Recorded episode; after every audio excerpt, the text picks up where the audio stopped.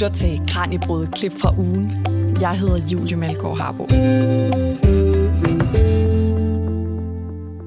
Velkommen til weekendudgaven af Radio 4's videnskabsprogram Kranjebrud. Den næste times tid, der kan du høre nogle udvalgte klip fra de programmer, som vi har sendt i ugens løb. Og vi skal altså dykke ned i fire forskellige emner, hvor vi starter med at tage fat på, hvorfor modebranchen er EU's fjerde største klimasønder, og hvad vi kan stille op, hvis vi bevæger os i en mere bæredygtig retning. Så kaster vi os over, hvordan psykisk sygdom kan påvirke en kunstners udtryk. Vi skal høre lidt om, hvorfor så stor en andel af danskerne må er så vilde med stegt flæsk. Og til sidst så kan du blive lidt klogere på, hvordan man fremstillede bæredygtige tekstiler tilbage i vikingetiden. Velkommen til Kranjebruds klip fra ugen.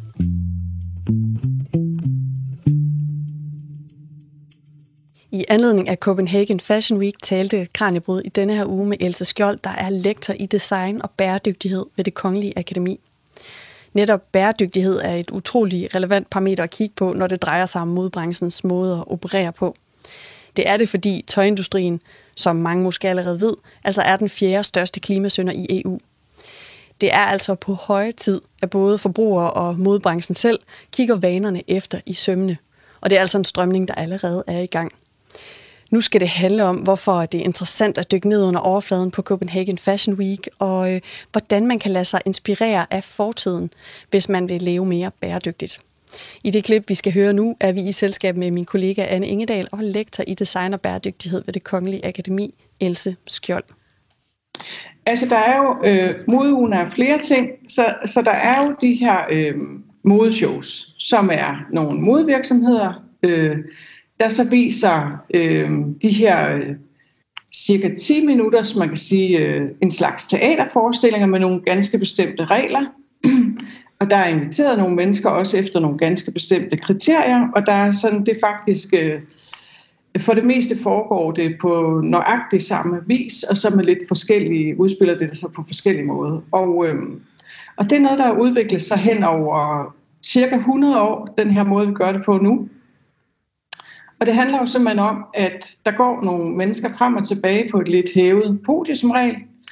Øhm, og det er for, at man kan se, hvordan øh, tøjet bevæger sig på kroppen.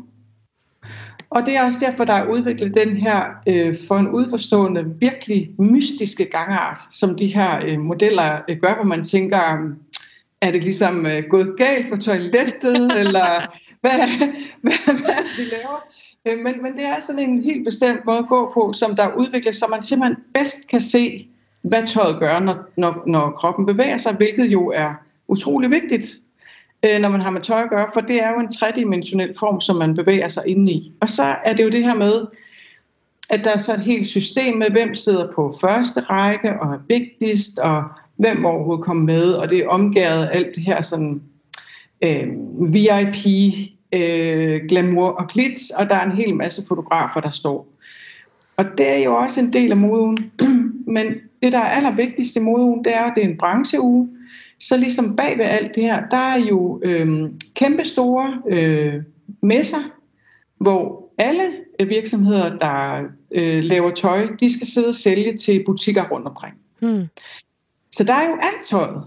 Der er jo, altså der er ikke måske arbejdstøj, men der er Altså, der er dametøj med øh, sådan lidt elastik i maven til, når man bliver oppustet op ad dagen, og der er, der er det smarte modetøj til de unge, der, altså, der er sko, der er tilbehør, altså alt muligt. Hele Bella Centeret er fyldt, hele Forum er fyldt, og hele Øksenhallen er fyldt med virksomheder. Og så de her tilrejsende butikker, der skal finde ud af, hvad skal vi ligesom købe ind til vores butik i år. Ja, hvad skal der ind på vores hylder, som vi tror på, at Lige andre præcis. vil gå hjem med? Lige præcis. Og samtidig så er det jo også der, hvor man kan sige, at branchens aktører mødes, og vi sladrer med hinanden, og vi holder vigtige, øh, vigtige kom samler, hvor vi ligesom også øh, stikker nogle, altså nogle ting ud. Det her det kommer der til at ske ligesom hen over det næste halve år. Ikke? Det foregår to gange om året. Øhm, så på den måde kan man sige, at der foregår jo langt mere under facaden. Øhm, og så er facaden jo alligevel meget interessant, fordi det, som mode er så utrolig god til, det er jo at, øhm, at afspejle, øh, hvad der foregår med os. Så det vil sige, når der sker noget mode, så afspejler det faktisk noget, der sker i resten af vores samfund. Så når man ser for eksempel flere ældre modeller, flere øh, modeller med brun hud, øh, modeller i flere slags kropstyper, øh, når man ser nogen, der øh, for eksempel har gamle kollektioner med, så de ikke kun viser nyt, eller der er nogen, der siger, at vi holder slet ikke show, vi holder noget event, for det giver ikke mening at holde show. Alle de små bitte øh, krusninger der på overfladen er meget fortællende om, hvad der sker nedenunder overfladen. Og det er, at vi har en hel øh, sektor, som er i kæmpe, kæmpe, kæmpe stor forandring. Ikke mindst fordi, som du selv siger, nu er både os øh, tøjbrugere og politikerne og forskellige beslutningstager, de er ved at opdage, at hov, her har vi jo egentlig et område, det er Danmarks mest solgte eksportvare. Det er jo noget, vi alle sammen har på hver eneste dag. Og det er også øh, EU's øh, fjerde største klimasønder. Det kunne være, at vi skulle kigge nærmere på det. Så har vi jo haft øh, hele det 20. århundrede, som har handlet, altså for hele designområdet, rigtig meget om, øh, en rigtig god tanke, nemlig at alle skulle have nogle gode forbrugsgoder, de havde råd til. Alle skulle have råd til nye støvler, så de ikke skulle gå i lillebrors gamle udslidte, og særligt vi kvinder skulle ikke sidde i tællelyset skær og reparere og sy om, og hvad ved jeg. Så vi skulle have nogle billigere varer. Hmm. Som... Og det var jo sådan set en god nok idé. Og det kræver, at man laver varen mere ens. Det er klart, fordi man kan ikke uh, lave 15 forskellige specifikke stykker skjorter til mig, så er der nødt til at være nogle andre, der også kan købe den. Ja, og det man så kan sige, det er indtil for så 30-40 år siden, så havde man en slags sådan en ens forskellighed. Det vil sige for eksempel, så havde man typisk, at øh, man havde, hvis man nu skulle have en størrelse medium, så havde man måske syv forskellige modeller til syv forskellige kropstyper. Så der var ligesom indbygget lidt forskellighed i det ens. Mm. Og så havde man også en forventning om som kunde, at tøjet det var så dyrt at købe, så man vidste, at det, hvordan det var, det skulle sidde ordentligt, og så havde butikken typisk sådan en justeringsgrad, der så kunne justere det lidt, så det bare sad rigtig, rigtig, rigtig pænt. Og hvis nu for eksempel, at man havde en pandemi, der gjorde, at man sad rigtig meget hjemme, og ens tøj det sådan skrumpede lidt ind i skabet. Som ikke havde noget at gøre med, hvad man spiste, men det skete bare nej, derinde. Nej, ja. det, skete, det skete bare derinde så kunne man så få det justeret ud igen. Eller hvis man solgte det videre. Så der var sådan en masse et tekniske måder, man lavede tøj på, der var meget mere tilpasset egentlig den måde, vi ser ud på. Men da man så begynder at sende produktion øh, væk fra Danmark, hvilket skete fra sådan slutningen af 80'erne, så kan man sige, så blev den her enshed, den blev sat på steroider. Så nu er tøjet faktisk så ens og lavet til den samme krop, lige meget om det er størrelse X small eller XX large eller hvad det er, at det passer til næsten ingen som helst. Hvad mener du, når du siger, det er lavet til den samme krop? Fordi der er vel forskel på en small og en XXL, men så er det formerne, eller hvordan? Ja, altså det, alt tøj bliver lavet til en størrelse ekstra small eller small med, nogle, med en helt bestemt kropsform. Det er sådan, som vores øh, ligesom industrielle måleskemaer er lavet. Der er det lavet til den kropsform. Når man så skal op og lave en størrelse 42 eller 44, så skalerer man bare den kropsform op. Ah. Men en krop gør ikke sådan, når den bliver større. Den gør nogle helt andre ting, så man bliver ligesom dobbelt straffet. Hmm, det er for stort der, hvor det ikke skal være for stort, og for småt der, hvor det Alt er galt. større. Ja. Så, så vi er faktisk nede på, at det, altså efter de estimater, jeg har, så er det mindre end 10 procent af det tøj, der bliver lavet, passer til nogen som helst.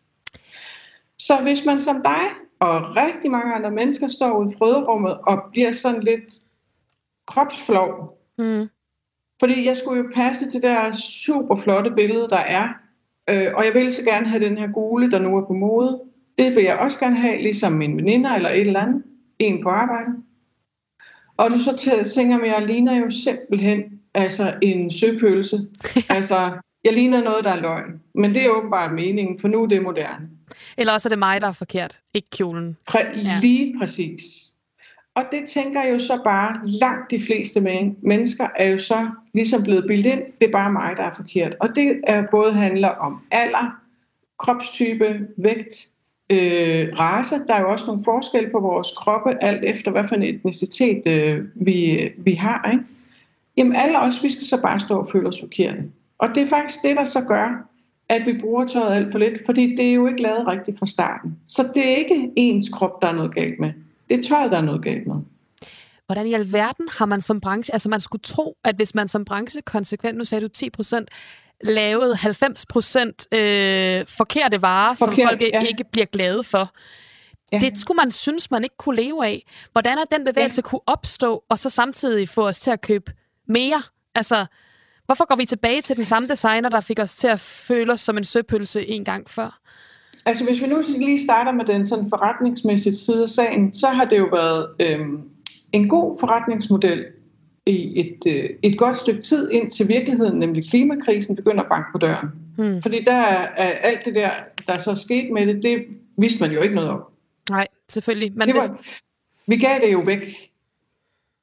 Så det var jo væk. Ja, præcis og så kom der noget nyt, og det var godt. Indtil det var jo heller var godt, og så var det væk. så det er sådan set... Øhm, men altså for eksempel grunden til, at øh, hvis du nu giver 1000 kroner for et stykke tøj, så er der jo mange af de kroner, der dækker over, at man jo ikke kan sælge det hele, for eksempel. Altså, øh, Forbrugerrådet Tænk gik jo for eksempel ind sidste år afdækket, at alene på butiksniveau, der er der 677 tons øh, usolgt tøj, der bliver kasseret. Hold det blev der i 2021, og det er bare dem, der svarede på det. Øh, fordi at, at de jo simpelthen ikke laver en vare, som folk øh, vil betale for. Så de har jo, og så bliver de jo øh, også presset på, at de skal leve op til en masse bæredygtighedsstandarder, som jo koster mere, som vi heller ikke vil betale for. Og hvorfor vil vi så ikke det? Altså hvorfor er det, at øh, når der nu står, det er mere bæredygtigt, hvorfor vil du så ikke gå hen og give 200 kroner mere for det, siger de. Nu har vi mm. gjort os så umage. Men det vil du jo ikke, fordi tøjet ikke passer dig. Ja, så jeg er bange for at komme ned hjem med endnu et fejlkøb, der er bare 200 ja. kroner dyrere. Ja, og derfor har vi ligesom haft en meget ulykkelig spiral med, at forbrugerne de får ikke det, de vil have, og virksomhederne får heller ikke det, de vil have. Og den, den, det er ligesom mismatch, det vokser lige nu rigtig kraftigt. Så det vil sige, at det jo er ved at gå op også for virksomhederne for, at, at det er ikke en god forretning. Det har det været indtil nu. Ja, og så tror jeg, det der er vigtigt, ligesom at vi taler rigtig meget om i den offentlige debat og med hinanden, det er, i stedet for at tale og kun om forbrug, altså nu købte jeg noget nyt, mm. eller jeg forbruger, det er jo at anskaffe sådan noget. Hvordan går det med at bruge det? Begynd at tale om det her med, hvad klæder mig rigtig godt? Hvad er den gode stil, jeg elsker? rose hinanden for et eller andet, man går igen, som bare virker super godt. Tale om, at man går til skrædder og får det lige justeret lidt, for det sad. Mm. I forhold til at anskaffe sig noget, man er rigtig glad for, så er det jo ikke så stor en investering, for eksempel. Ikke? Eller få det repareret. Fordi at det er vigtigt at holde fast på det tøj, der virker for os, fordi det er sådan set det, der er det bæredygtige tøj. Det fortalte Else Skjold, lektor i design og bæredygtighed ved det Kongelige Akademi.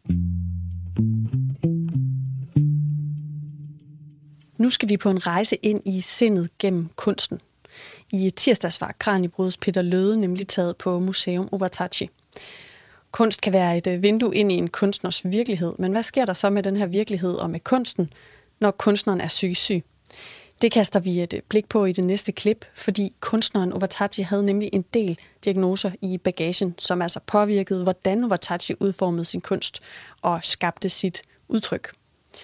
Til at gøre os klogere på det, har vi Mia Leisted, der er museumsleder ved Museum Ovatachi, og Brian Benjamin Hansen, som er både forskningsmedarbejder ved Museum Ovatachi og postdoc ved Aarhus Universitet. Så nu skal det handle om, hvordan man kan bruge psykoanalysen til at udforske kunsten, og hvordan den psykiske sygdom kan manifesteres. Vi hopper ind netop som øh, Brian Benjamin Hansen begynder at fortælle om sin forskning i netop det. Jo, det kan jeg. Altså, I virkeligheden er det jo et ret øh, bredt projekt, som går ud på at lave en læsning af hele Overtasis liv og værk, sådan set med henblik på at forstå, hvad er det for en særlig produktion, der er tale om.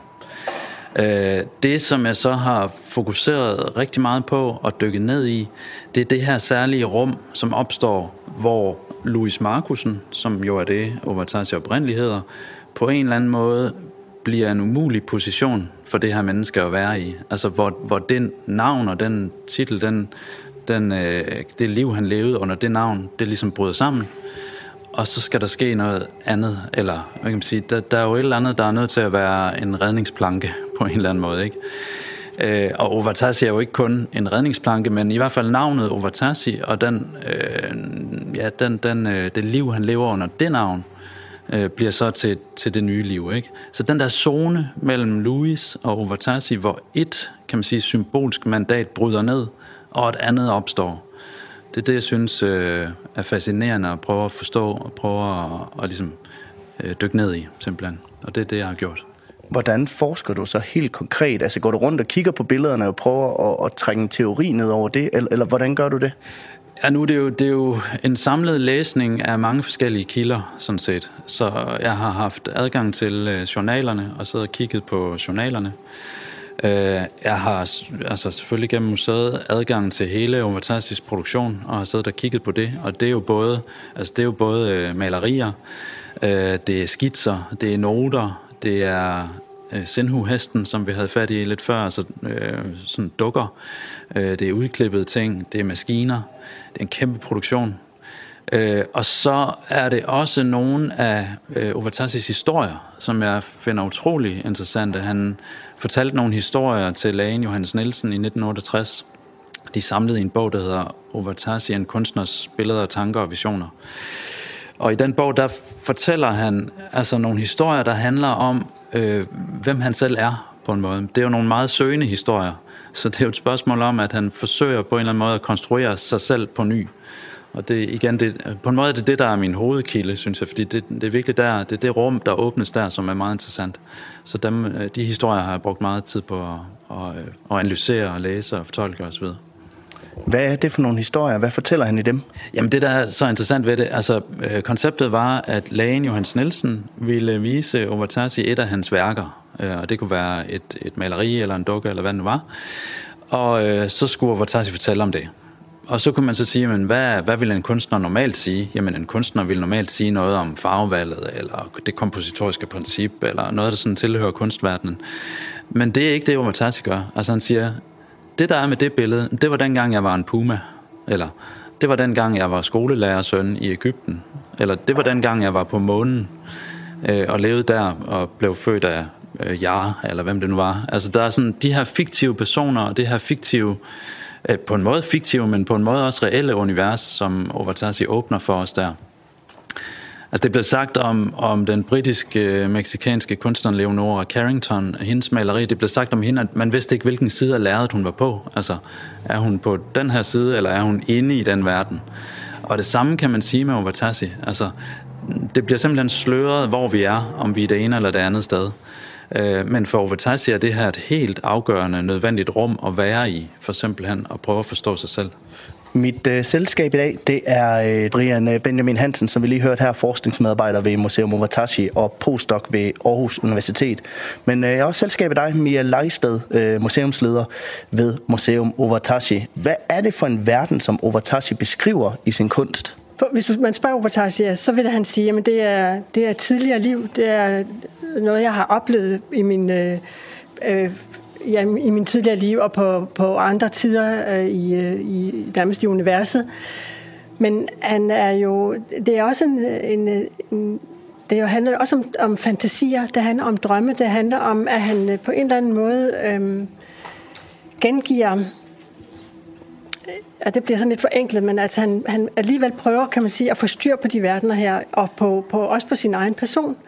Øh, det er jo ofte, øh, og det hører vi også i forhold til andre kunstnere, øh, værket øh, kan nogle gange være øh, øh en del af en proces i forhold til at, kan man sige, få noget bragt øh, til mere noget håndgribeligt i forhold til alt det, man har øh, inde i sit hoved, inde i sit, i sit sind, alt det, man oplever, alt det, man øh, gennemlever, skal ud i noget. Så på den måde kan det også for Watasi være en måde at få styr på på verdenerne på egentlig, og på, på, også på den virkelige verden. Øh, og jeg tror også, det er noget af det, vi jo selvfølgelig oplever, når vi kigger på det, det er, at øh, nogle gange så tænker vi, jo, altså der kan vi jo godt se, det er jo hans værelse, øh, der er jo håndvasken der, og der er jo vinduet, der er jo ikke noget til fejl, at det er jo meget virkeligt, og så alligevel så er det det ikke, fordi øh, den bliver blandet. Men for Overtashi, det er ikke alene øh, en nødvendighed på den måde, så det er også lidt en, igen en forenkling. Man kan meget nemt komme til at forenkle tingene, når det gælder Overtashi. Men jeg tror, at en stor del af det, det er simpelthen, han har... Det er... Øh, jeg forestiller mig, at hans hoved er fyldt med alt det her. Og det er lidelser, det er øh, gode oplevelser, det er trængsler, det er tvivl, det er angst, det er øh, frygtelige øh, ting. Øh, og han, er bare, han bliver nødt til at øh, vise det. Så man kan sige, at han bruger det til at konkretisere sin egen virkelighed også på et eller andet plan? Ja, det tror jeg faktisk.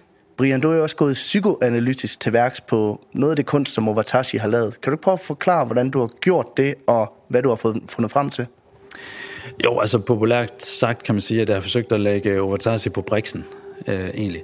Og, og øh, altså det har jo været et spørgsmål om at få det her værk og få den her, det her subjekt til at tale. Altså, fordi det er jo det, man gør, når man ligger på briksen, ikke? altså i psykoanalysen.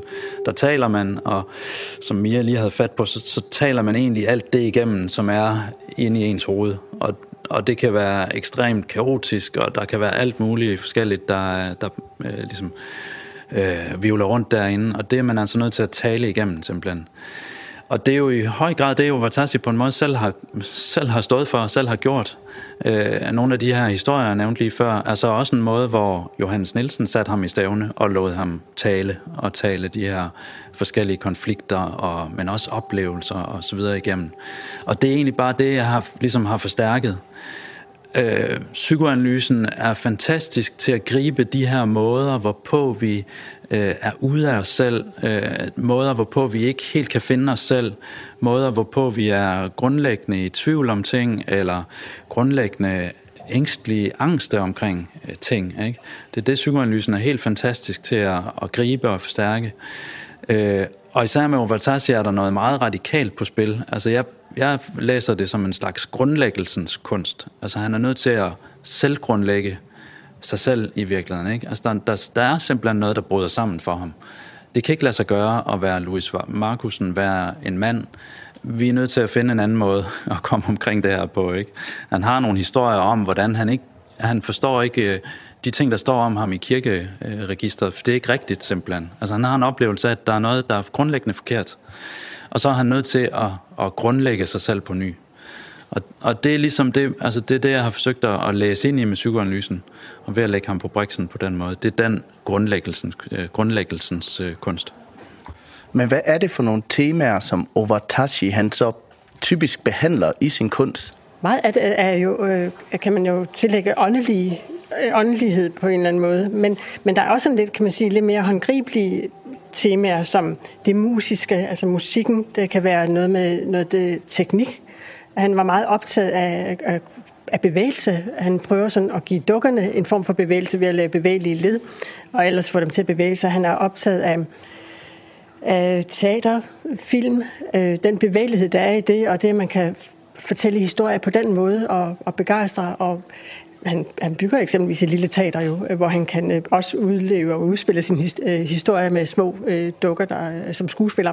Så på den måde der er han jo, han er jo øh, og det er jo det, han beskriver øh, meget i sine værker, det er det, de værkerne handler om øh, også. Men, men også, der er jo også øh, temaer eller motiver, hvor vi tænker, hvor, altså rent faktisk, hvor kommer det fra på en eller anden måde. Men som øh, øh, Brian tidligere nævnt, altså, det er øh, egne fortællinger i forhold til, det kan være fra månen, det kan være livet der, det kan være øh, fra hallucinationer, hvis vi skal forklare det, i forhold til øh, grusomme væsener, øh, men der er også gode væsener, og der er små blomster nede i, i forgrunden. Så på, på den måde, der er han jo i den der, i mange gange er det verdener, der, der simpelthen spænder sig omkring det gode og det dårlige, eller det onde og det, det lyse, eller det mørke det lyse. Han, han har begge, den der dualisme, han har begge dele med. Øhm, så Overtashi er, man har indtryk af, at han er utømmelig, hvis han har fået lov til at kunne blive ved, og han havde kræfter til det. Og nu nævner Brian, at han kan, han kan ikke genkende sig selv i det, der står i kirkebogen, og han opfinder hele tiden nye baggrunde for sig selv at være skolelærer eller være et eller andet andet. Altså er der noget identitetssøgende i hans kunst også? Jo, det er der jo. Og det er jo det, der er øh, grundlæggende hele historien i forhold til at finde ud af, øh, hvad er jeg? Hvem er jeg ja, i den verden her? Og hvis ikke den verden, så i mange andre verdener. Men han er nødt til at forholde sig til den, den virkelige verden, som nu er, hedder Rigskov og et værelse blandt mange andre, øh, må man sige. Ikke? Og der skal han kunne finde ud af at agere i det. Øh, der er meget, han er meget, et meget søgende menneske, og også omkring identitet i det hele. Så han er nysgerrig, han er søgende, men også omkring øh, øh det der med at sætte sig selv ind i, i, i det liv her. Og øh, man må jo også sige, at han er jo han er en modig mand. Han, er, øh, han finder også mange svar, så han stiller mange spørgsmål, og han øh, kan man sige, virvler meget op øh, og, og viser os mange sider, som vi jo aldrig selv vil øh, komme øh, i tanke om. Men han giver også nogle svar, og han prøver tingene af, må man jo sige. Noget af det, der går igen, det er jo også, altså nu, det, nu snakker vi om den her indiske hest før, som ser meget kvindelig ud. Og generelt, når man kigger på hans kunst, så er det det her med det kvindelige, det går meget igen. Hvorfor gør de det? Ja, det er også et af de store temaer i hans kunst. Altså noget af det, der slår en som noget af det første, det er jo de her høje, tynde, dramatiske, øh, men også stærke kvindefigurer. Meget langstrakte, lange ben, Øh, Øh, også nogle ansigter, som er meget karakteristiske på nogle af de her kvindefigurer.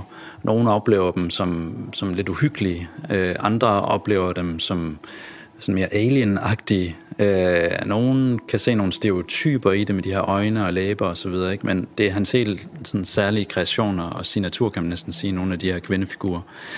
Og kvindefiguren er central, fordi et af hans, øh, et af Overtassis grundproblemer er det her med, at være en mand, men også at være et seksuelt væsen i det hele taget. Altså han har et problem med sin, med sin måde at være til stede i, i verden på i forhold til lyster og begær og seksualitet og sådan noget. Han, han, kan, ikke, øh, han kan ikke få styr på det. Han, det. Det plager ham, det irriterer ham. Øh, han vil ikke trækkes rundt af de der lyster. Altså, der er virkelig meget i hans historie, der også peger på den her øh, søgen mod en form for selvkontrol. Altså askese, øh, yoga og så videre, kunne kontrollere også det, han, han spiser og indtager. Øh, og der er han også meget inspireret af, af forskellige sådan, spirituelle øh, praksiser, øh, og også nogle tanker, der ligger i, i visse former af buddhisme osv. Så, videre, ikke? så det er det der med at kunne kontrollere sig selv. Og der bliver kvinden, så på et tidspunkt bliver kvinden sådan en figur for ham, som står for det, det ophøjede, det rene, altså en idealfigur, som ikke er besmittet af de her urene ønsker og lyster osv. Så, videre, ikke? Øh, så, så, så det er virkelig noget, der, øh, det er virkelig noget, der optager ham, og som også bliver noget, han tager ind i sit eget liv på en meget radikal måde. Ikke? Jeg vil så også sige, at, at øh, ingenting er jo fuldstændig øh, forklarligt, eller fuldstændig sådan, øh, ja, hvad kan man sige, evident hos Overtassi, fordi også kvindefigurerne er paradoxale og splittede. Der er også noget i dem, som, hvor man kan sige, altså, de er ikke bare sådan helt rene og uskyldige. Altså, der er også noget på spil i dem, hvor man kan se, det er også begærende væsener. Og de slipper ikke ud af det der, øh, den der, det der begær, den der, det der seksuelle, som, som Ovatasi gerne vil, vil være fri for. Det fortalte Mia Leisted, museumsleder ved Museum Ovatachi, og Brian Benjamin Hansen, forskningsmedarbejder ved Museum Ovatachi og postdoc ved Aarhus Universitet. Jeg hedder Julie Melgaard Harbo, og du lytter til weekendudgaven af Radio 4's videnskabsprogram Kranjebrud. Her serverer jeg nogle øh, udvalgte klip fra de programmer, der er blevet sendt i ugens løb. Så hvis øh, du gerne vil snuse til nogle forskellige kroge af forskningens fascinerende verden, så er du altså havnet det helt rigtige sted. I 2014 stemte danskerne om, hvad vores nationalret skal være. Valget landede altså på stegt flæsk med persillesauce, og det vil nogen jo mene måske er et ret konservativt valg. Det, at vi overhovedet vælger en officiel nationalret, er i sig selv ret unikt, og øh, selve valget siger en del om vores madkultur og historie. Det skal det altså handle om nu, for i onsdags talte Kranjebrudsvært Emma Holtet med Karoline Nyvang, der er seniorforsker ved det Kongelige Bibliotek og forfatter til bogen med titlen Stækflæsk med basilsauce. Lyt med her, hvor hun fortæller om, hvorfor udnævnelsen af denne her nationalret skabte så meget uenighed, og øh, hvad det hele siger om den danske madkultur. Jamen altså, retten blev anklaget fra rigtig, øh, fra rigtig mange sider for at, øh, øh, at være ekskluderende først og fremmest. Øh, øh, og det skyldes simpelthen, at, at mere end 10 procent af den danske befolkning af, øh, af forskellige grunde ikke spiser svinekød. Øh, så var der også nogle stemmer i debatten, der mente, at det var en alt for usund ret, man havde valgt øh, at kåre som vinder. Øh, mm. Både for den menneskelige organisme, fordi der var meget mættet fedt, øh, men egentlig også for kloden øh, generelt, fordi det, det var en ret, der belastede klimaet ret meget. Mm. Øh, og så var der også nogle stemmer, øh, først og fremmest, der mente, at, at det her var simpelthen et for gastronomisk uambitiøst valg. okay. øh, så det, det illustrerer jo alle de her krav, som, som maden altså skulle mm. leve op til i, i 2014. Så det var en ret interessant debat at følge, synes jeg, selv ja. som madhistoriker. Og i forhold til, øh, nu har du nævnt det her med, at dit valg det havde været på smørbrødet, fordi det faktisk er noget, der fylder ude i, øh, i danskernes øh, reelle sådan, madforbrug. Ved vi egentlig, hvor meget den her nationalret, altså stegt flæsk med persillesovs, den så fylder ud på de danske spisebord? Ja, altså vi ved, det faktisk er en ret, vi sjældent vælger at servere øh, i hverdagen. Mm. Øh, der vælger vi, som jeg nævnte indledningsvis, der vælger vi typisk rugbrød og mm. pizza og spaghetti bolognese, er også nogle af de retter, vi kan finde på top 3. Øh, men det, man kan sige om retten, det er, at det er en, der samlede landet. Øh, vi kan se, at folk kunne stemme på den øh, i flere forskellige regioner. Øh, og det er jo også en af de klassiske retter, vi vælger til øh, ved, ved, ved nationale højtider. Der er rigtig mange, der vælger at spise stegt flæsk med persillesauce på valgdagen, for eksempel. Mm. Øh, så, så det skal man også tænke med, at det kan, kunne retten også. Den var god til at forene nationen og de forskellige regioner. Så er det rimeligt at sige, at når vi snakker i dag, så skal man også skælne, hvad danskerne opfatter som deres madkultur og identiteten i maden, og så det, de reelt spiser? Helt klart. Altså, øh, og når vi kigger på kogebøger, og vi kigger på opskrifter rundt omkring, så er det jo netop en pointe, at øh, vi er rigtig gode til at diskutere maden og have en forestilling om dansk madkultur, men det er ret sjældent, at det faktisk afspejles i vores regulære forbrug. Mm. Og altså, hvis vi holdt afstemningen nu, her i 2022, altså otte år efter, tror du så, at danskerne vil stadig vil vælge den stegte flæsk? Ja, jeg tror stadigvæk flest vil øh, sætte deres kryds ved stegt flæsk med persillesauce. Og øh, du beskriver i din bog dansk madkultur som en super tanker. Altså noget, der er ret svært at slå ud af, af kurs. Ikke? Overordnet set, når vi så kigger på historien, hvad, hvad kan du så se, der faktisk skal til, før vi så ændrer vores madvaner? Helt grundlæggende skal man forstå, at vi er ret konservative, mm. når det kommer til vores mad. Øh, på sådan et helt individuelt plan, der kan vi se det ved, at vi øh, meget tit tilvælger retter, der ligner noget af det, vi har fået serveret i barndommen. Og på et kollektivt plan kan vi også netop se det med den her dyrkelse af det historiske danske måltid. Øh, men, men min forskning viser faktisk også, at vi især er parate til at ændre vores madvaner, hvis der opstår nogle nye muligheder, eller måske især nogle nye udfordringer i det omgivende samfund. Okay, og det tænker jeg, vi kan godt tease lytterne lidt med. Altså det her med udfordringer, ikke? Altså noget, noget krise, noget krig. Det bliver faktisk lidt et fast holdepunkt i vores gennemgang her i løbet af, af dagens program. For nu dykker vi som lovet ned i historien. Lad os bladre tilbage i tiden. Helt tilbage til Danmark i 1800-tallet. Du lytter til Radio 4. Karoline, vi har været inde på det allerede en lille smule, men øh, hvad spiser vi i Danmark, du beskriver det faktisk lige frem som rugebæltet, i den første halvdel af 1800-tallet? Jamen, der lever rigtig mange danskere, som du siger, af, af, af robrød, øh, fordi vi netop er placeret i det her geografiske bælte, hvor roen trives rigtig godt, i modsætning til længere sydpå, hvor viden kan trives. Så en meget stor del af vores kalorier kommer simpelthen fra robrødet. Øh, derudover så spiser vi rigtig meget søbemad, Øh, på det her tidspunkt i starten af 1800-tallet er komfuret ikke udbredt. Det vil sige, at de fleste danskere laver deres mad over åben ild. Øhm, og så skal man også øh, tænke over, at det her det er altså en tid, hvor man kan konservere på bestemte måder i det klima, vi har. Øh, og det er tit øh, ved at salte øh, ting. Mm. Så fersk kød, som vi er vant til at kunne købe i supermarkedet i dag, det har været en sjældenhed, som man kun har fået i efteråret, lige efter slagteperioden. Ellers så har vores smagsunivers altså været præget af det her syltede og salte, og kød har været en sjældenhed. Mm. Og hvad er det så, der sker i Danmark i midt til slut 1800-tallet? Fordi der går vi, som du skriver i din bog, fra det, man kalder forråds til konsumshusholdning. Hvad betyder det? Jamen, det betyder egentlig, at vi i stedet for at øh, gro maden på marken, øh, skal vende os til, at det er noget, man skal købe hos købmanden, eller hos slagtbaren, eller hos ostehandleren, helt basalt. Mm. Øh, og vi får også samtidig en, en pengeøkonomi, der betyder, at, at, at, øh, at vi får mulighed for at købe vores fødevarer i langt højere grad end tidligere. Øhm, og du spurgte, hvad der skete i Danmark i slutningen af 1800-tallet. Jeg tror egentlig mere, at man kan snakke om, at der sker noget i hele resten af verden. Mm. Øh, vi får nogle rigtig gode transportlinjer, der betyder, at korneksporten fra især øh, Nordamerika og, og Rusland og Ukraine, den, den stiger markant, og det betyder, at kornpriserne falder i hele verden. Øh, dansk landbrug er rigtig gode til at udnytte den her mulighed, fordi man ret hurtigt formår at omlægge produktionen, så man i stedet for at øh, øh, at købe det dyre kød, faktisk begynder at producere kød i meget høj grad, og så importerer man det langt billige korn som foderstof. Mm. Øh, og det sætter simpelthen skub i en udvikling, som vi også i dag kender i, i form af andelsbevægelsen og alle de her omstillinger til svinehold især, øh, så, som mange jo har, har besunget som sådan en, en helt unik succes for dansk landbrug.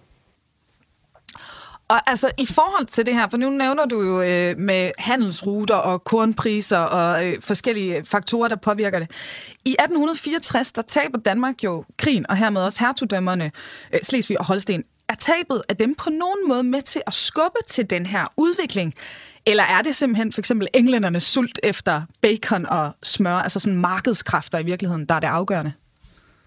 Jamen, det er helt klart, at man kan snakke om, at hele 1800-tallet var faktisk en lang række nederlag for Danmark, ja. øh, som både var med til at sådan, decimere øh, nationen sådan rent øh, mentalt, men også territorialt. Mm. Øh, og det er helt klart med til, at, at, at vi begynder at kigge os omkring efter andre ting, der kan være med til at binde os sammen.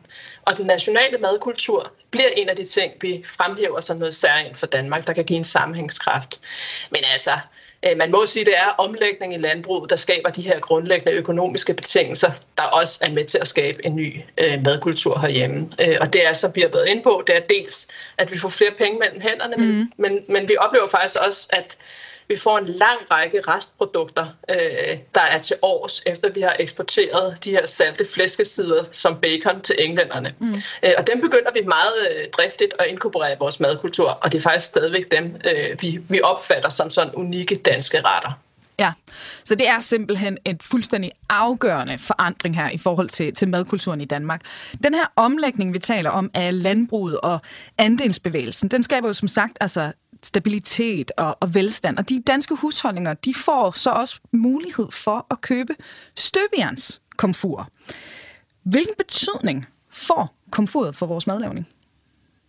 Jeg tror slet ikke, at man kan overvurdere, hvor stor en betydning det har for vores madkultur. Øh, som jeg har nævnt indledningsvis, så vil man over åben ild primært øh, lave mad, der kan komme i en beholder. Det er søbemad, det er grød, øh, det er mange af de her klassiske retter, vi har spist i 10.000 vis af år. Øhm, men på et, et støbejernskomfur, der får man en helt unik mulighed for at inddæmme ilden. Det betyder, at man kan have sine kartofler stejende over et blus, du kan have kød på et andet blus, og så kan du altså lave den her persillesauce på et tredje blus. Og det er faktisk det, der danner grundlag for den tallerkenmodel, de fleste af os kan kigge ned på, når vi sætter os og spiser aftensmad, hvor vi har øh, grøntsager, sovs, kartofler, kød. Mm. Og i den her periode, du har også allerede nævnt det her med, at vi eksporterer jo bacon til englænderne.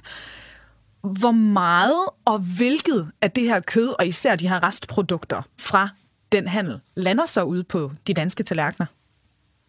Jamen, der, vi ser et massiv, en massiv stigning i især øh, mængden af fersk kød, øh, som store dele af den danske befolkning nu får adgang til, især i de sidste årtier af 1800-tallet og begyndelsen af 1900-tallet. Øhm, og det er især de mindre bemidlede, hvor vi ser en procentuelt højere øh, forbrug af, af kød. Øh, så det er altså store dele af landet, der nu får glæde af de her restprodukter. Mm. Øh, og det kan er stort set alle de øh, alle de øh, dele af grisen, som ikke kan sælges som bacon, så vi nu begynder at, at benytte os af herhjemme.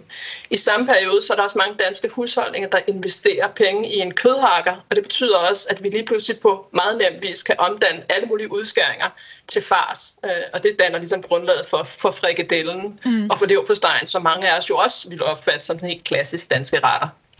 Ja, så det er altså her, vi kan se det, vi i dag identificerer som, øh, som du sagde indledningsvis, som vores nationale madkultur. Den opstår simpelthen i kraft af de her restprodukter, komfuret, de her ændringer, der kommer med den her omlægning af, af landbruget. Er det, er det rigtigt forstået? Ja, det er helt klart øh, sådan, man skal forstå det. Øh, og det, man kan simpelthen ikke overvurdere, hvad, hvad den her landbrugsomlægning har, har betydet for måden, vi spiser på stadigvæk i dag. Ja. Og der sker jo så en anden stor ting, kan man sige, i historien. Det næste trin, vi skal træde på, det er øh, altså fra 1914 til 1918. Øh, der rammer Første Verdenskrig jo Europa. Hvordan påvirker det her de danske køkkener, både under og også efter krigen? Jamen altså, man kan sige, generelt i det 20. århundrede har vi jo herhjemme været ret heldige ved det, at vi primært har kunnet mærke krigene på vores forsyninger, og især i forsyningerne af, af fødevarer. Øhm, og øh, under Første Verdenskrig, der måtte rigtig mange danskere vende sig til, at øh, først så blev rigtig mange fødevarer meget dyre, øh, og så måtte staten altså også gå ind øh, og, og regulere maden igennem øh, rationering. Mm. Øh, det havde nogle, nogle, nogle rigtig negative effekter. Det var svært at skaffe sig protein nok, men det havde faktisk også nogle positive effekter, fordi man kunne simpelthen se, at forbruget af sukker og margarine for eksempel faldt. Øh, og det betød, at man kunne se nogle helbredsmæssige øh, fordele, øh, som efter krigen øh, dannede grundlag for en helt ny forståelse af den menneskelige organisme og hvad betydning maden havde for sundheden og forebyggelsen af sygdom herhjemme. Så er det her lidt, lidt groft sagt den periode, kan man sige, hvor danskerne går fra bare udelukkende at kigge på mad som noget nydelse eller næringsfuldt, altså fordi man simpelthen skal have noget øh, øh til at holde maskinen i gang med, til også at kigge på det her som noget, der rent faktisk kan have en effekt på ens sundhed. Helt klart. Øh, meget længe var vi fokuseret på at få kalorier nok, øh, men det, der sker i Første Verdenskrig, det er, at man ser nogle ret uhyrlige eksempler på, hvad det kan have betydning for den menneskelige organisme, hvis man spiser den forkerte slags mad. Mm. Øh, og det bliver jo efter anden, eller undskyld, efter Første Verdenskrig, bliver det jo også fuldt op af identifikationen af en lang række vitaminer, der kan være med til at forklare de her mangelsygdomme, man kunne se rundt omkring i verden under Første Verdenskrig. Mm. Så der kommer et, et, et efter en tid, hvor vi har glædet os over, at vi kunne spise mere kød, så kommer der et markant forøget fokus på især at få frugt og grønt nok i danskerne. Yes, så det er simpelthen, altså den sundhedscraze, vi ser i dag, den starter sådan set efter Første Verdenskrig. Helt klart. Altså muligheden for at få lov til at pege på, hvilke vitaminer, der har betydning for hvad, mm. det danner grundlag for hele vores idé i dag om også, hvad et sundt og især varieret måltid skal bestå af. Det fortalte Karoline Nyvang, seniorforsker ved det Kongelige Bibliotek og forfatter til bogen Stegt flæsk med persillesauce. I øh, begyndelsen af dagens program hørte vi om, hvordan modebranchen er Europas fjerde største klimasønder. Men øh, sådan har det altså ikke altid været. Vi har i tidligere tider været meget bedre til at fabrikere tekstiler, der kunne holde til at blive brugt i mange år, og øh, til at genanvende materialer og reparere det, der gik i stykker. Og det der med at pynte os med smykker og flotte materialer, det er altså ikke en ny ting. I programmets sidste klip skal vi nemlig dykke ned i, hvordan man allerede i vikingetiden udsmykkede sig, og hvordan man klædte sig på. Og det skal vi altså gøre med bæredygtighedsbrillerne. Og det skal vi sammen med kranjebrudsvært Emma Holtet, der taler med Ulla Mannering, Ph.D. i forhistorisk arkeologi, tekstilekspert og forskningsprofessor MSO ved Nationalmuseet. Ja, faktisk så er vi så heldige, så vi kan næsten gå tilbage til de aller tidligste tider, hvor mennesket kommer til øh, Skandinavien og til, øh, til Danmark. Øhm, I den her periode, det kalder vi for den ældre stenalder, og øh, så er vi faktisk øh, næsten tilbage til 8.000 før Kristi fødsel. Hold da op. Øhm, Ja, det, det er gammelt. Ja, det og det aller ældste fund, vi har, er, er, er ikke af noget konkret øh, skinmateriale, mm. men det er faktisk en afbildning, som findes på en urokseknogle af fem små mennesker. Og de er sådan meget skematisk opridset, øh, de her små figurer her. Men der er jo ikke nogen tvivl om, at de har tøj på. Og, øh, og hvad de så har på, det, det kan være svært at se, for man kan ikke sådan adskille sådan en, en krop for en funktion. Det er bare sådan en, en kan man så sige, sådan en lille, en lille rund fasong, som øh, med, nogle, med nogle arme og ben på, øh, som sådan en lidt udvidet tændstikspersoner og mennesker. Men, men de har helt klart tøj på. Mm. Og det, de så har på, det er jo skind. Mm. Og det er skind for vilde dyr, for det her, det er jo jæger-samlerperioden, øh, hvor man ikke dyrker øh, nogen som helst materialer, eller har øh, domesticerede husdyr. Så det er jo, her der bruger man øh, de ressourcer, som er i omgivelserne omkring en, og det kan jo så både være de store byttedyr, som man skyder for at få mad, hvor man selvfølgelig også kan bruge øh, skinnene, som man kan bruge til telte og alt den huskeråd, øh, poser og indpakning og hvad man nu ellers til at sove i. Men vi ved faktisk også, at de udover at jage de store dyr, som de selvfølgelig spiser, så jager de også små øh, pelsdyr, som mor og rev og hvad der nu ellers er i deres omgivelser. Så, så her kan vi sådan allerede, selvom det er sådan indirekte kilder, kan vi se, at de må have en dragt, som, som både har øh, kan man sige, forskellige typer pels indarbejdet, som jo giver forskellige farver, forskellige strukturer, mm. øh, og, og som også har forskellige funktioner, alt efter om det er om det måske er lavet noget, man har lavet til læder, eller det er noget, man som egentlig som pels. Så, så her allerede indirekte i den her periode har vi en formodning om, at de faktisk er ret dygtige til at, at bearbejde skinmaterialer, og at de er dygtige til at sy, mm. og at de er dygtige til at arbejde i forskellige strukturer og materialer. Øh, så der må være allerede på det her tidspunkt noget æstetik indblandet, mm. også i det at, at have beklædning på. Det er ikke kun sikkert funktionelt. Det, mm. der, der er, der, vi må formode, at uh, allerede her er man, er man inde og, og bearbejde materialerne, sådan så man faktisk måske også har en identitet i, mm. i dragten. Og hvad er så det næste store skift? Altså omkring 4.000 før Kristi fødsel. Mm. Så der går altså en, en rumtid på måske mellem 6 og 4.000 år, hvor man arbejder med de vilde dyre øh, arter. Så begynder landbruget at komme ind i, i, i Danmark. Så er vi oppe i øh, bundestenalderen nu? Eller så hvor, er vi det, vi kalder bundestenalderen. Yes. Yes. Ja. Og bundestenalderen, der kan vi jo se, at der hvor begynder man jo at, at man introducerer landbruget. Man begynder at dyrke øh, forskellige kornarter, øh, og man øh, introducerer jo får og ged og ko i landbrugsproduktionen. Men de bruger stadigvæk skind som deres hovedmateriale. Vi har ingen indikationer på, at man på det her tidspunkt har tekstiler, mm. som vævede tekstiler. Man anvender Øh, man, man, altså, man kan sagtens spinde, og det har man kunnet altså, siden tidernes morgen. Man kan slet ikke forestille sig for eksempel en, en, en jægersamler, som ikke er i stand til at spinde en tråd. Mm. Du er simpelthen nødt til at kunne spinde en tråd. Det skal du både bruge til at lave dine telte og alt dit huskeråd, og også din våben for den sags skyld. Der skal du bruge den teknologi at kunne spinde en tråd. Mm. Men Øh, og, øh, og det, når man først skal begynde at spænde tråd, så kan de jo, så de laver jo også fiskenet og alt det. Der er jo rigtig mange teknikker, som er sådan, ligger sådan parallelt med, med selve med det, vi sådan forstår som klassisk tekstilproduktion, altså vævet tekstil. Mm. Men, men, men vævet tekstil, det, det er der ikke engang i bundestenalderne øh, dokumentation for, at de, at de gør. Mm. Men de har altså også en, nogle nålebindingsteknikker, hvor de nærmest syr øh, tekstilagtige strukturer.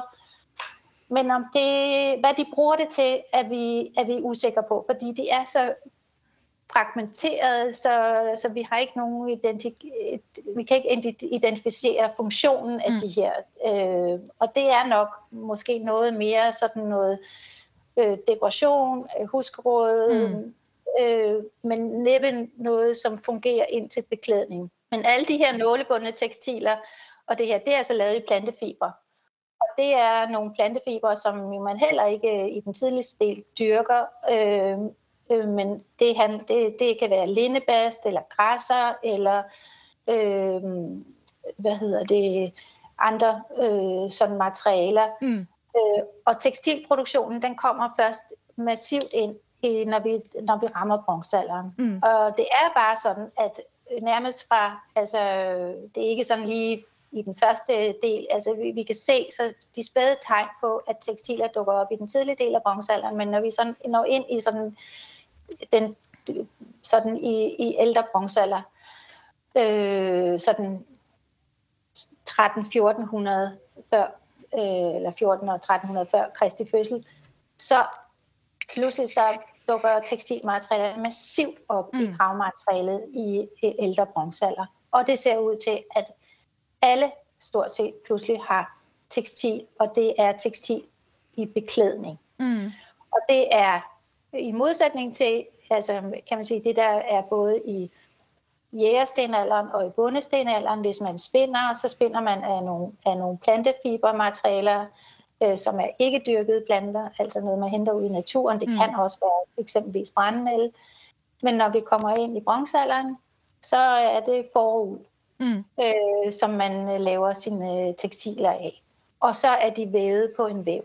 Mm. Så, så, og det, det er ret fantastisk, for når vi dukker op i det her, så pludselig så er der en fuldt udviklet væveteknologi og uldteknologi, som vi slet ikke har, kan man så sige, nogen for øh, varsel om i de i tidligere perioder. Men det er ikke ens betydende med, at, det, at de ikke har, har vidst det, men, men, men i bronzealderen ser det ud som om, at det, at det får en massiv udbredelse, og at, at øh, at mange mennesker pludselig har adgang til at, at lave deres beklædning i det her. Men vi kan også se en sjov ting, det er, at når vi kigger på de fasonger, mm. som de laver deres øh, dragter af, af tekstilerne, så er der stadigvæk en, kan man sige, en, en reminiscens i, at de var vant til at bruge skin som deres råmateriale, fordi de fasonger, som de, som de laver deres dragter mm. af, går ligesom øh, peger tilbage på en, en, en syteknik og en, øh, en design, som er på en eller anden måde formentlig øh, altså bundet af et skinmateriale størrelse, ja. og den måde, man kan skære det ud på, på en rationel måde. Så det tager lidt tid, ja. Så på, når man introducerer en helt ny teknologi og øh, det her at væve og et helt nyt materiale, som er uld, som har en, en, en fleksibilitet øh, og nogle egenskaber, som er meget anderledes end et skin, som jo er en, en meget mere fast øh, overflade. Øhm, så sker det, det tager alligevel lidt tid, inden at de frigiver sig fra, mm. fra det, de har, har, har den tradition, de har med i bagagen. Og, og og ligesom at sige, når man, øh, her har vi et firkantet stykke mm. tekstil, hvordan skal vores dragt nu se ud? Altså, de er mm. stadigvæk på en eller anden måde, de, de introducerer en, en, nogle nye materialer og ny teknologi, men de er stadigvæk mentalt bundet af det overordnede design. Mm. Og så det er ret interessant, og det, det, det er de bevægelser, vi ligesom kan arbejde med hen over tid, at vi kan se, at forandringerne i, i teknologi og, øh, og ressourcer og design, det, de ændrer sig ikke nødvendigvis på samme øh, tidsskala. Øh, og, og oftest er det sådan, at det, hvordan dragten kommer til at se ud, er det sidste, mm. som man ændrer på. Det er det allermest traditionelle i forhold til, at man måske gerne optager nye teknikker, eller mm. øh, bruger, kommer med nye materialer, eller pludselig synes man, det er interessant med forskellige farver. Men, men den måde, man, man overordnet designer dragten, det er meget traditionelt, og der skal rigtig meget til, før man når dertil at forandre sit udseende. Og hvad er det så for en udvikling, der sker, når vi så bevæger os fra, fra bronzealderen og så op til, til jernalderen? Altså, øh, alle, man kan sige, i første omgang, så skal vi jo forholde os til, at, at vi har vi har kilder i forskellige kontekster. Så i, fra nogle perioder, så, så, så arbejder vi med indirekte kilder, med lidt ikonografi eller mm. knoglematerialer, som i det stenalderen, og, og lidt plantematerialer. I bronzealderen, der arbejder vi med e-kistegrave, som er højstatusgrave, men vi har rigtig meget af det, så øhm, og i, når vi når op i øh, den efterfølgende periode, som vi hedder ældre jernalder, så, så, så flytter fundene sig til en helt anden kontekst, som er mosekonteksterne. Mm. Og det er ikke egentlig begravelser. Så der er måske en forskel i det her, hvordan man begraver sin døde, og, hvordan, og hvilke tekstiler man lægger ned i en mosekontekst til en helt anden funktion. Det fortalte Ulla Mannering, Ph.D. i forhistorisk arkeologi, tekstilekspert og forskningsprofessor i MSO ved Nationalmuseet. Og mere når vi altså ikke i øh, dag, men du kan lytte til Kranjebrud her på kanalen igen i morgen kl. 12.10. Det er i morgen et øh, år siden, at Taliban tog magten i Afghanistan, og derfor dykker Kranjebrud ned i, hvordan øh, situationen har udviklet sig over det sidste år. Hvis du er interesseret i at høre et af de her programmer, jeg har spillet klip fra i dag i fuld længde, så kan du altså finde dem både på Radio 4's hjemmeside eller i din yndlings podcast-app. Jeg hedder Julie Melgaard Harbo, og jeg vender tilbage med flere klip fra ugen i næste uge. Tak fordi du lyttede med. Programmet er produceret af Videnslyd for Radio 4.